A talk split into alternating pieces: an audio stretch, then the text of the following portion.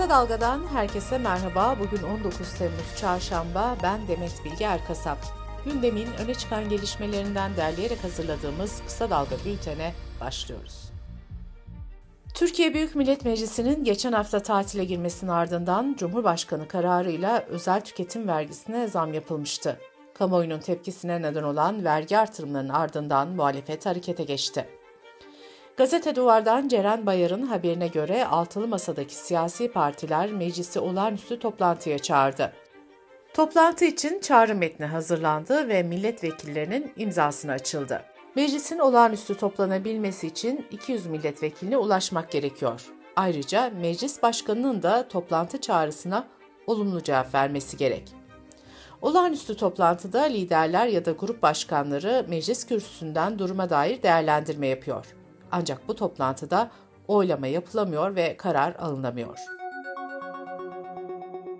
Motorlu taşıtlar vergisinin bu yıl iki kez ödenmesini öngören kanuna yönelik tepkiler sürerken CHP düzenlemenin iptali için Anayasa Mahkemesi'ne başvuracak. İyi Parti ise 81 ilde dün ortak basın açıklaması yaparak zamlara tepki gösterdi. İyi Partililer ekonomi yönetiminin attığı adımları adı konmamış IMF programı olarak nitelendirdi. Zamlara karşı dün bu adımları atan muhalefetin büyük bölümünün ise vergi zammı ve ek bütçe görüşmelerinde mecliste olmadığı ortaya çıktı. T24'ün haberine göre motorlu taşıtlar vergisiyle ilgili düzenlemenin meclisteki oylamasına CHP'den 69, İyi Parti'den 22 ve Yeşil Sol Parti'den de 40 milletvekili katılmadı. Muhalefet ek bütçe kanunu görüşmelerinde de yoktu.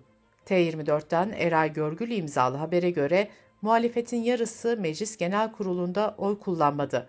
Oylamaya CHP'den 74, Yeşil Sol Parti'den 41 ve İyi Parti'den de 26 milletvekili katılmadı. Hakimler ve Savcılar Kurulu yaklaşık 23 bin kişinin görev yaptığı adli ve idari yargıya ilişkin yaz kararnamesini tamamladı. 3423 hakim ve savcının görev yeri değişti.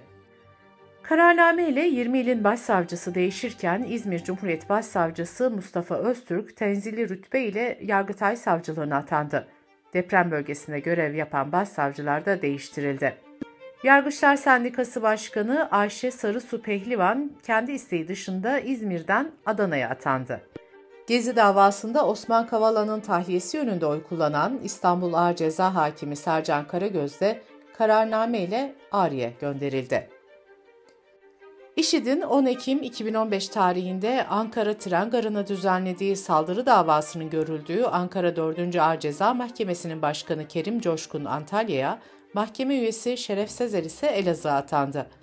Böylece yaklaşık 7 yıldır süren davaya bakan mahkemenin heyeti üçüncü kez değişmiş oldu. Eğitim Sen barış bildirisine imza atan akademisyenlerin son durumunu paylaştı. Buna göre OHAL kararnamesiyle üniversitelerden ihraç edilen 406 akademisyenden 108'i yargı kararıyla görevlerine iade edildi. Bu akademisyenlerden 32'si görevine başladı. Mahkemelerin görevine iade ettiği 60 akademisyen ise göreve başlamak için üniversite yönetimlerinin onayını bekliyor. Avrupa Gazeteciler Federasyonu Schengen ülkelerinin Türklere yönelik vize uygulamalarını eleştirdi. Federasyon Avrupa ülkelerine ön yargı ve ayrımcılığa son verin çağrısı yaptı. Başvurularda ret oranının %50'ye yükseldiği de belirtildi. Maraş depremlerinden sonra İstanbul'da beklenen olası deprem de gündemdeydi. Uzmanlar zaman zaman bu konuda uyarılarını yineliyor. İstanbul Büyükşehir Belediye Başkanı Ekrem İmamoğlu da dün bir açıklama yaparak kentsel dönüşüm ve binaların güçlendirilmesi için seferberlik çağrısı yaptı. Bu hızla İstanbul'daki dönüşümün 70-80 yıl süreceğini vurgulayan İmamoğlu, depremin kapıda beklediği bir ortamda çok acele etmemiz lazım dedi. Çevre ve Şehircilik Bakanı Mehmet Özsaseki ile yaptığı görüşmenin detaylarını da anlatan İmamoğlu, görüşmeden uzlaşıyla ayrıldıklarını söyledi. Meteoroloji Genel Müdürlüğü sıcak hava dalgasının bugünden itibaren tüm yurtta etkili olacağını açıkladı. Sağlık Bakanlığı ise bir uyarı yayınlayarak riskli grupların mecbur kalmadıkça dışarı çıkmamalarını istedi. Bakanlığın açıklamasına göre riskli gruplar şöyle. Kronik hastalığı olanlar, 65 yaş ve üstünde olanlar, 4 yaşından küçük çocuklar, obeziteden etkilenenler ve hamileler. Kısa Dalga Bülten'de sırada ekonomi haberleri var. Cumhurbaşkanı Recep Tayyip Erdoğan, Körfez turu kapsamında önce Suudi Arabistan'a gitti. İki ülkenin heyetleri arasında 5 anlaşma imzalandı. Anlaşma kapsamında Türkiye Riyad'a insansız hava aracı satacak. Perşembe günü toplanacak olan Merkez Bankası Para Politikası Kurulu'nun politika faizini arttırması bekleniyor. Ancak bu artışın temkinli ve dengeli olacağı yönündeki kulis bilgileri dolar ve euroyu hareketlendirdi. Euro 30 lira ile dün tarihi bir zirveyi gördü. Dolar ise 27 lirayı aştı. Amerikan doları seçimlerden bu yana %36'dan fazla değer kazanırken Euro'nun TL karşısındaki kazancı ise yaklaşık %40'a ulaştı. CHP Adana Milletvekili Burhanettin Bulut, borçlarını ödeyemediği için bankalar tarafından kara listeye alınan vatandaşların sayısının 3 milyon 840 bin kişiyi geçtiğini söyledi. Dış politika ve dünyadan gelişmelerle bültenimize devam ediyoruz. Rusya'nın tahıl koridoru anlaşmasından çekilmesinin yankıları sürüyor. Beyaz Saray'dan yapılan açıklamada Rusya'nın kararının gıda güvenliğini kötüleştireceği ve milyonlarca kişiye zarar vereceği belirtildi. Anlaşmadan çekilme kararını tehlikeli ve sorumsuzca olarak değerlendiren Beyaz Saray, Rusya'ya kararını geri alması çağrısı yaptı.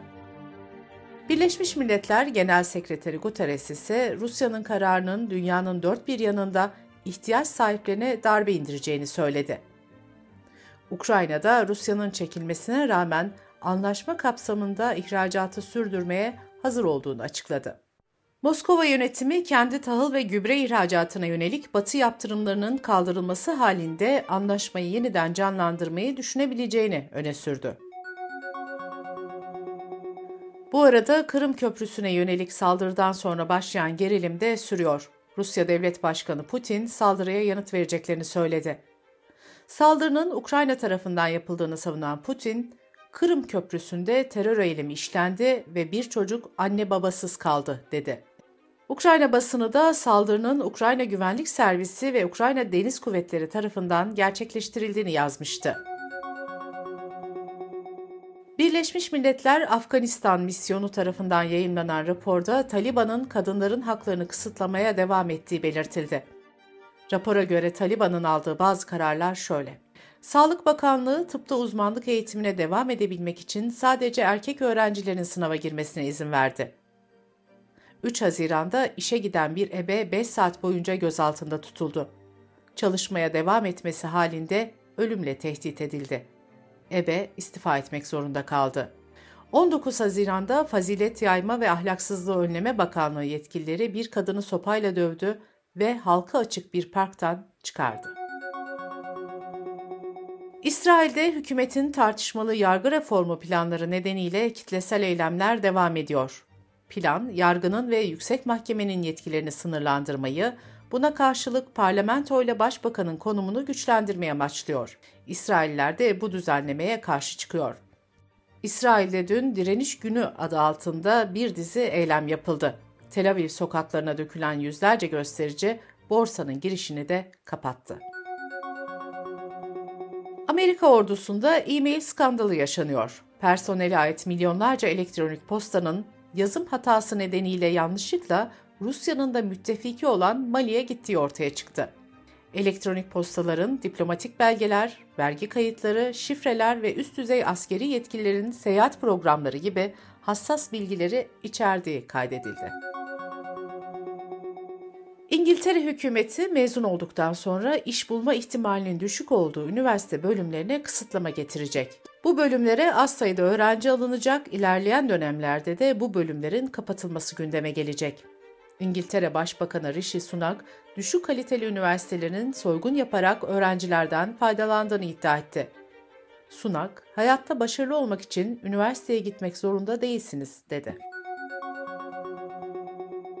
Dünya Sağlık Örgütü Polonya'da kuş gribi olduğu tespit edilen 11 kedinin hayatını kaybettiğini, 14'üne ise ötenazi yapıldığını açıkladı. Kuş gribine yakalanan kedilerin temaslısı olan kişilerde ise semptom bildirilmedi. Bültenimizi kısa dalgadan bir öneriyle bitiriyoruz. Mehveş Evin ve Ferdi Akarsu'nun Yeşil Turizmi konuştuğu podcast'ini kısa dalga.net adresimizden ve podcast platformlarından dinleyebilirsiniz.